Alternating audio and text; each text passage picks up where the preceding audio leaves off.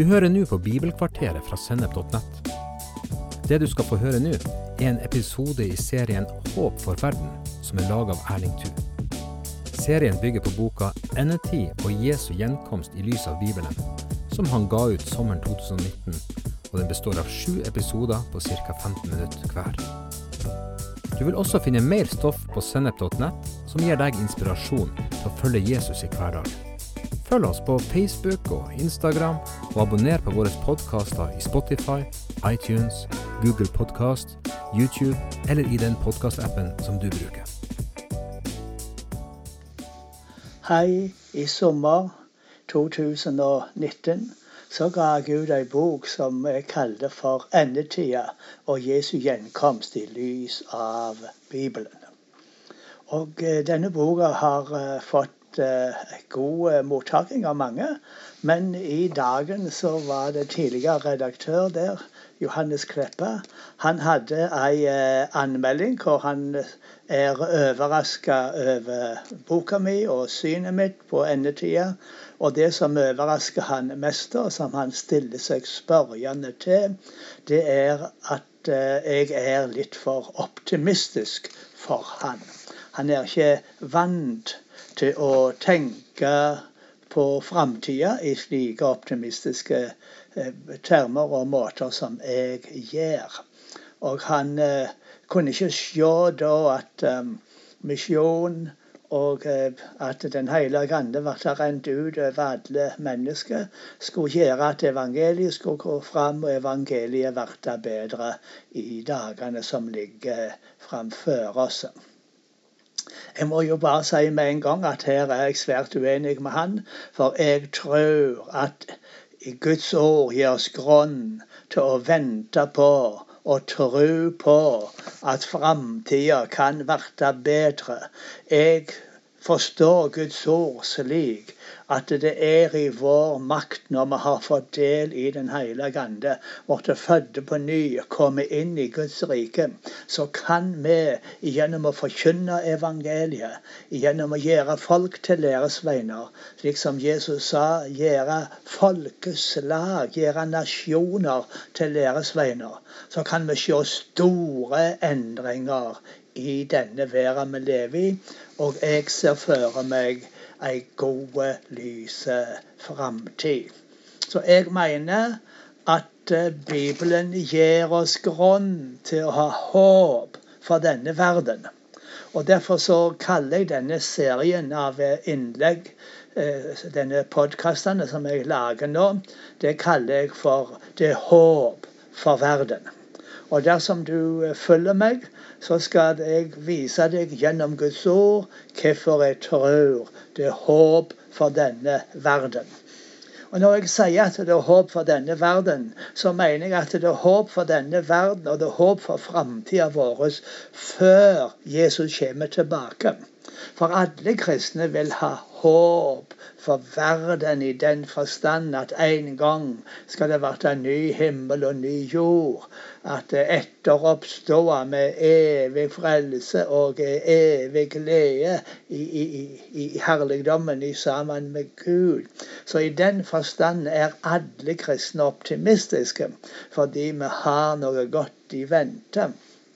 Men de fleste kristne som, som da ikke liker at jeg er så optimistisk, så, så det, det, er fordi at de skuer alt dette fram i tid til etter Jesus har kommet tilbake. Men jeg tror at vi i denne tida før Jesus kommer tilbake, kan leve med håp og tro og forventning og se store endringer i den verden som vi lever i. Og dersom du følger meg videre, så skal jeg vise deg det.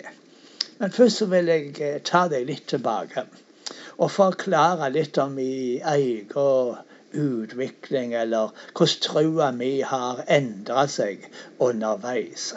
Fordi jeg er jo oppvoksen på bedehuset på Jæren.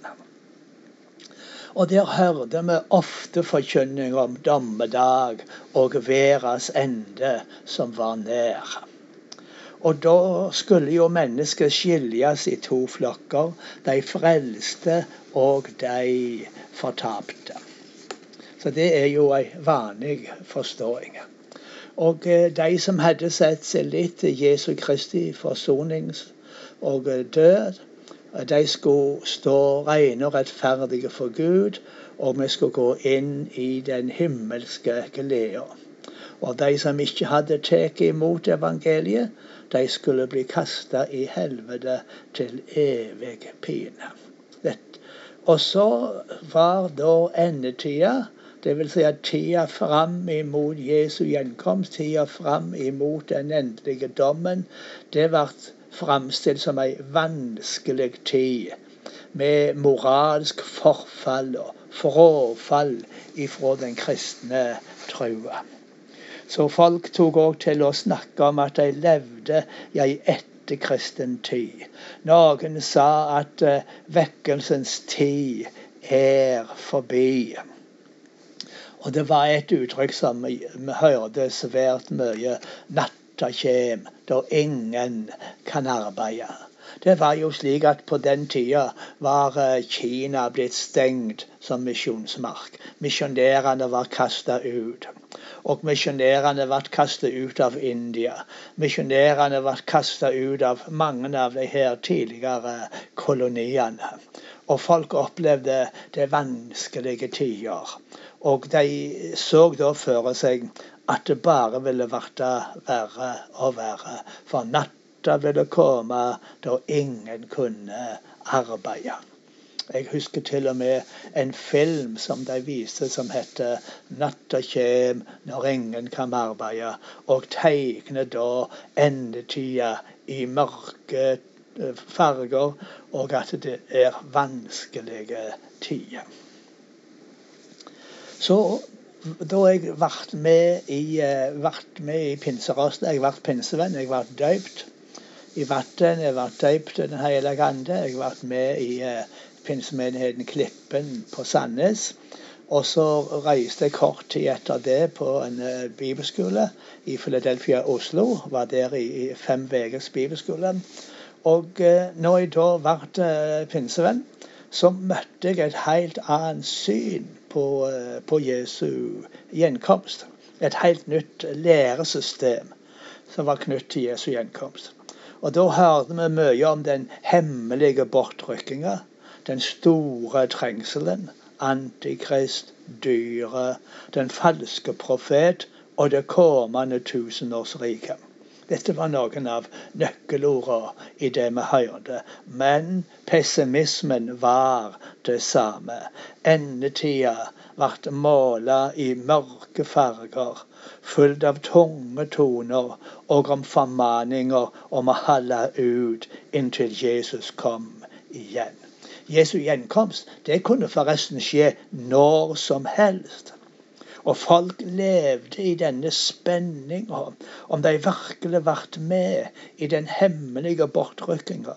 Om de virkelig var klare, om de virkelig var iblant brudesjelene. De som skulle rykkes opp til himmelen og få del i, det, i lammets bryllup. Medan Antikrist skulle råde på jorda, og eh, bønnebarna som da måtte komme til tro. De måtte verte martyrer osv. Og, og så var det da veldige diskusjoner om, eh, om Jesus skulle komme før eller etter den store trengsel, eller kanskje midt i den store trengsel. Og at uh, i denne de, de som vært i den store trengselen. Da kunne de, de frafalne vende om, og bønnebarna kunne vende om. Og, eh, men de måtte regne med å lie eh, martyrdøden. Og da var det slik at det var eh, mange av de her eh, eldre eh, forkynnerne som var sånt, eh, spesialister på dette. De reiste rundt og forkynte eh, om Jesu gjenkomst. De hadde bibelveker. Så de hadde bibeltimer om, om, det som skulle skje, om det, om det profetiske utviklinga. Og da hørte vi veldig mye om um, sånne endetidstegn som skulle fortelle oss at enden var nær. Jesus sto for døra. Og alle disse endetidstegnene, det var sånne negative ting. Det var krig, det var hungersnød, det var jordskjelv og andre katastrofer som var sikre tegn på at Jesus kom snart. Men det store endetidstegnet, det var jo Israel. Staten Israel som ble oppretta i 1948. Eh, og, og, da var det et profetord eh, som Jesus sier at denne generasjonen skal ikke forgå, for alt er skjedd. Og da ble det knytta til at den generasjonen som så staten Israel ble gjenreist, skulle ikke forgå. Og, da, og så ble det sagt da en generasjon, det er 20 år. Så når f.eks. i 1967, når denne såkalte seksdagerskrigen kom og Israel tok Jerusalem, ja, da gikk vi på tå i forventning. Da venta vi at nå kommer Jesus igjen, nå er bortrykkelsen. Fordi forkynnelsen sa at når jødene tar Jerusalem, da er heidningenes tid forbi. Og da ville bortrykkelsen skje. Da skulle tempelet bygges, og da ville Antikrist komme.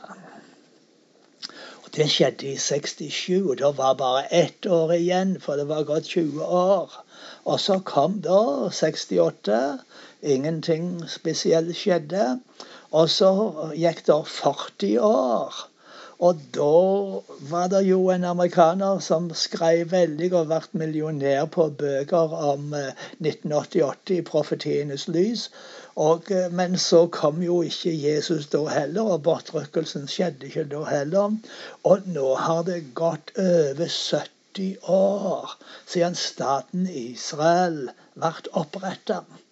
Så dette som da ble regna som et stort endetidstegn, og som viste at Jesu gjenkomst sto ned, og at nå ble det bare vanskeligere og vanskeligere og vanskeligere, det har jo ikke slått til.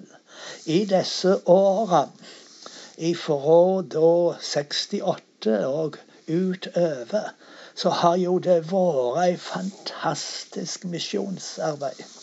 Og f.eks. i Kina, hvor en sa nå er natta kommet i Kina. Det er jo mange flere, mangfoldige mange flere kristne i Kina nå enn når misjonærene ble kasta ut. Så denne, det har gått en vekkelse i Kina. Det er jo millioner på millioner som har blitt kristne i Kina. Og, og i andre land. Så vi lever jo i ei misjonstid uten like. Aldri har så mange mennesker kommet til tro som det gjør i våre dager. Og det er disse fakta som, som, som ingen kunne se for seg skulle skje på, eh, i begynnelsen på 60-tallet, når jeg på 50-tallet var en ung kristen. Nei, nei, det, det, det, det, var ingen som snakka om det. Vi hørte bare om denne natta som skulle komme, da det skulle bli så vanskelig. Vi hørte om trengsel, vi hørte om forfølging. Ja, det skjer forfølging i verden i dag. Mange plasser er kristne veldig utsatte og forfølgte, og de har det vanskelig. Men det vi må huske på, det er at alle disse plassene hvor det er forfølging, så er det plasser hvor evangeliet går fram. Og det er egentlig fordi det er så mange som blir kristne. Og de er så radikale kristne og forkynner evangeliet klart og tydelig. Det er det som gjør at det blir forfølging og motstand og vansker. Så jeg har hørt så mange fantasifulle fortellinger. Jeg har hørt så mange eh, ting om det som skulle skje, og som ikke skjedde. Alle de her profetiske lærerne de talte jo om Romerriket som skulle gjenreises. De talte om det var jo fellesmarkedet, det var jo EU. Og de hadde kart over de ti landene. Og nå har det jo blitt 6, 7, 28, jeg er ikke sikker på hvor mange nasjoner. Men alt dette de sa, det har ikke skjedd slik de sa det skulle skje. Og det var medvirkende årsak til at jeg begynte å miste litt trua på denne negative forkynninga. Og så begynte jeg å gå til Guds ord, og så skal jeg i de kommende podkastene mine fortelle om hva jeg oppdaga Guds ord sier, og hva som gir oss grunn til å ha håp for verden.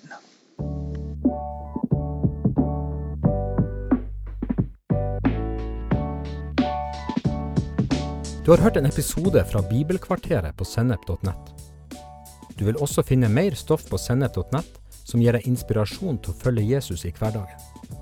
Innholdet på Sennep er gratis og tilgjengelig for alle, takket være økonomisk støtte fra kristent nettverk, menigheter og enkeltpersoner. Du kan også hjelpe oss ved å be for oss at vi skal forkynne ordet med frimodighet. Ved å dele innholdet vårt med venner og bekjente. Ved å rate podkastene våre på iTunes eller i podkastappen som du bruker. Eller ved å gi en engangsgave på VIPS Vips nummer 54 66 68. Vips nummer 54 66 68. Takk for at du lytter til sennep.nett.